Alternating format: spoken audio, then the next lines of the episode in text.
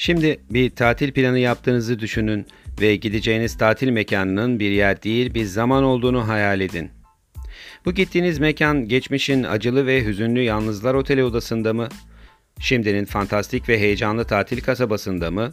Yoksa geleceğin korku ve kaygı dolu belirsizler kampında mı? Seçiminiz hangi zamandan olursa olsun bu tatile gidecek olan sizsiniz.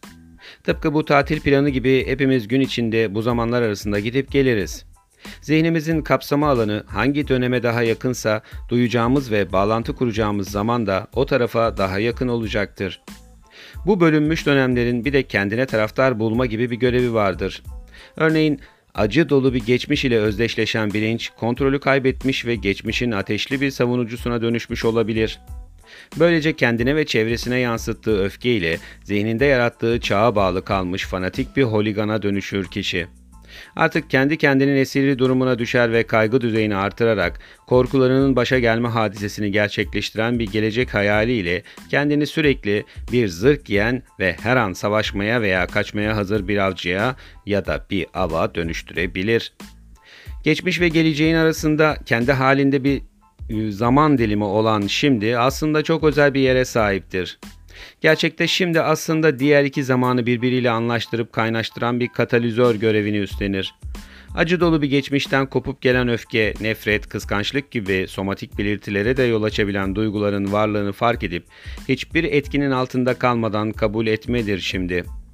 Esas meselenin özünü düşünüp kararlı bir şekilde özümseme zamanı olan şimdi hayatımız ile ilgili aldığımız kararların hem uygulamaya konulduğu hem de bu uygulamalardan büyük bir haz alındığı dönemdir. Çünkü anda olma durumu düşüncesizce davranmak değil, bilakis o an ile birlikte var olma durumudur. Bu durumu şöyle de açıklayabiliriz. Şu anda her ne yapıyorsanız durdurun. Yani bu podcast'i dinlemeyi bırakın ve etrafınızı sanki ilk defa görüyormuş gibi bakın.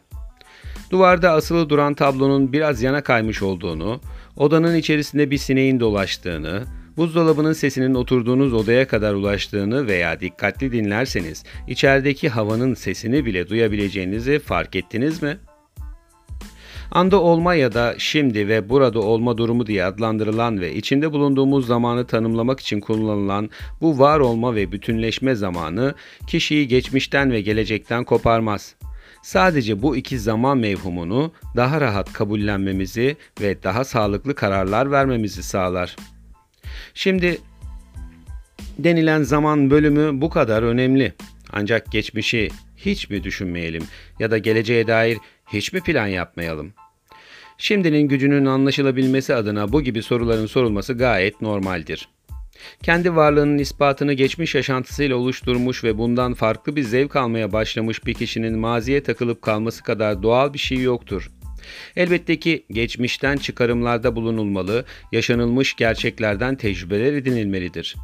Ancak burada anlatmak istediğim belli bir zamandaki sorunun ki bugüne uyarlandığında çözümü çok kolay bir mesele olma ihtimali yüksek, mevcut şartlarının korunarak ve hiçbir değişiklik yapılmadan şimdiye taşınmasıdır. Bu durum yeni okula başlayan bir çocuğun girdiği sosyal ortamda zorlanması sonucu içselleştirdiği bir ortam duygusunun sonrasında kişide bir fobiye veya kaçınmacı bir kişiliğe dönüşmesine benzetilebilir. Ya da ölüm kavramının anlamını bilmeyen ve çok sevdiği bir yakınını kaybetmesi sonucu küçük bir kızın sonrasında kavramın anlamını öğrendiği halde bu acıyı kabul edememesi yaşanılan duygunun şimdiye olan baskınlığını artırabilir.'' Bu konuya geçmiş ve şimdiki zamandan sonra gelecek açısından bakacak olursak iki temel soruya cevap vermemiz gerekir. Geleceğe dair bir plan yaparken nelere dikkat etmeliyiz ve yapılan bu planın ne kadarı şimdiki ben ile uyumludur? İnsanlık tarihi boyunca uzun bir kültüre sahip olan korku fenomeni bilinmezin yarattığı kaosu da beraberinde getirmiş ve bilinmeze duyulan korkular da çeşitli tabuların oluşmasına neden olmuştur. Kişi bilmediğinin düşmanıdır söyleminden yola çıkarak aynı zamanda kişi bilmediğinin mahkumudur da diyebiliriz. Platon'un mağara metaforunu çoğu kişi bilir. Hani şu mağaranın duvarına bakan ve sırtları girişe dönük bir şekilde dışarıda ne olduğundan bir haber, dışarıdaki cisimlerin sadece ışığın yansımasıyla oluşan gölgelerinden çıkarım yapmaya çalışan ve bu çıkarımlardan kendi tabularını oluşturan insanların alegorik hikayesi.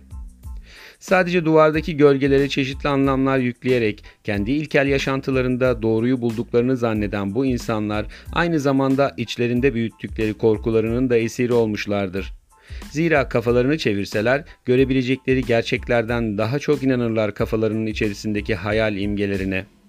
Dolayısıyla kendi kendilerine yaratmış oldukları bu korkunç imgelere bir de onlardan korunup baş edebilmek için büyüklük, ululuk gibi tapılası isimler takarlar. İşte tam da bu noktada korkunun yerini kaygı mevhumu alır. Bu sefer de tapılası bir korkunun kaybedilmesiyle karşı karşıya olan birey her iki duygu arasında kendini hapseder. Geleceğe dair endişeler de benzer bir duruma sahiptir. Çünkü endişe dünün veya şimdinin değil, yarının konusudur. Henüz gerçekleşmemiş bir olayın ya da durumun gerçekleşmesi ve bu durumun kötüye yorulması sonucu ortaya çıkan kaygı kişinin geleceğe dair düşüncelerini de olumsuz etkiler. Şimdi sıra gelecekle ilgili sorularımızın cevaplarında. Geleceğe dair bir plan yaparken öncelikli olarak bu planın hayal edilebilir olması gerekir. Olması istenen ile olması beklenen arasındaki fark ne kadar azsa yapılan plan o kadar geçerli ve uygulanabilirdir. Bunu bir örnekle açıklamama izin verin. Yakın gelecekte olması muhtemel bir düğün organizasyonunu hayal edin. Hayalinize uygun olan konseptin bir kır düğünü olduğuna ama evlilik tarihinizin Ocak ayının ikinci günü olduğunu düşünün. Sizce istediğinizle beklenen birbirine uyumlu mu? Tabi Türkiye'de evlenmeye karar verip Maldivler'de düğün yapmayacaksınız. Her ne kadar gelecek yaşanmamış bir zamanın planlaması gibi görünse de bilincimiz her şeye karşı hazırlıklı olduğu gibi bu bilinmez zannettiğimiz zamana karşı da hazırlıksızdır. Seçim yapma şansına sahip tek zaman dilimi olan gelecek, hayal ettiklerimizin gerçekleşmesi için bize oldukça geniş bir süre tanır. Verilen bu süreyi en olumlu şekilde değerlendirerek hayallerimizle birleştirip gerçekleştirmek elimizdedir. Fakat negatif düşüncelerimizi merkeze alarak yapmış olduğumuz gelecek planları çoğunlukla bizi hayal kırıklığına uğratır. Ve hayallerimizle gerçeklerin arasını açarak istenilen şeylerle beklenilen şeylerin birbirine hiç uymamasına neden olacaktır. Bu durumda belirsiz bir geleceğe, o da eşittir mutsuz bir zamana kapı aralayacaktır. Gelecek zamanlı ikinci soruyu yapılanın yapılan planın şimdiki ben ile ne kadar uyumlu olduğu sorusudur. Brezilyalı yazar Paul Coelho'nun da dediği gibi tam bütün cevabı bulduğunu düşünürsün ama hayat soruları değiştirir. Gelecek ile ilgili planlar eğer bugünkü sizi kapsamıyorsa yapılan iş sadece hayalciliktir. Zira sizi bir sonraki aşamaya taşıyacak olan bugünkü sizden başkası değildir. Elbette ki hayaller kurulur fakat kendi gerçekliğinizle bağlantısı bulunmayan hayaller bir başkası adına görülen rüyalara benzer. Uykuya başkası dalar, kabusu da siz görürsünüz. Örneğin iş başvurularındaki mülakatlarda sorulan kendinizi 10 yıl sonra nerede görüyorsunuz sorusu sanırım tam da bu noktaya vurgu yapmaktadır. Aşırı ve abartılı bir cevap Haydi Uğur böceği uç uçabildiğin kadar annen sana terlik pabuç alacak şarkısının söylenmesi kadar abes kaçacaktır. Hayatınızın iyi geçmesini istiyorsanız planını da iyi yapmalısınız. Tıpkı tatilinizle ilgili yaptığınız planlar gibi. Peki siz tatilinizi ya da hayatınızı nasıl alırdınız?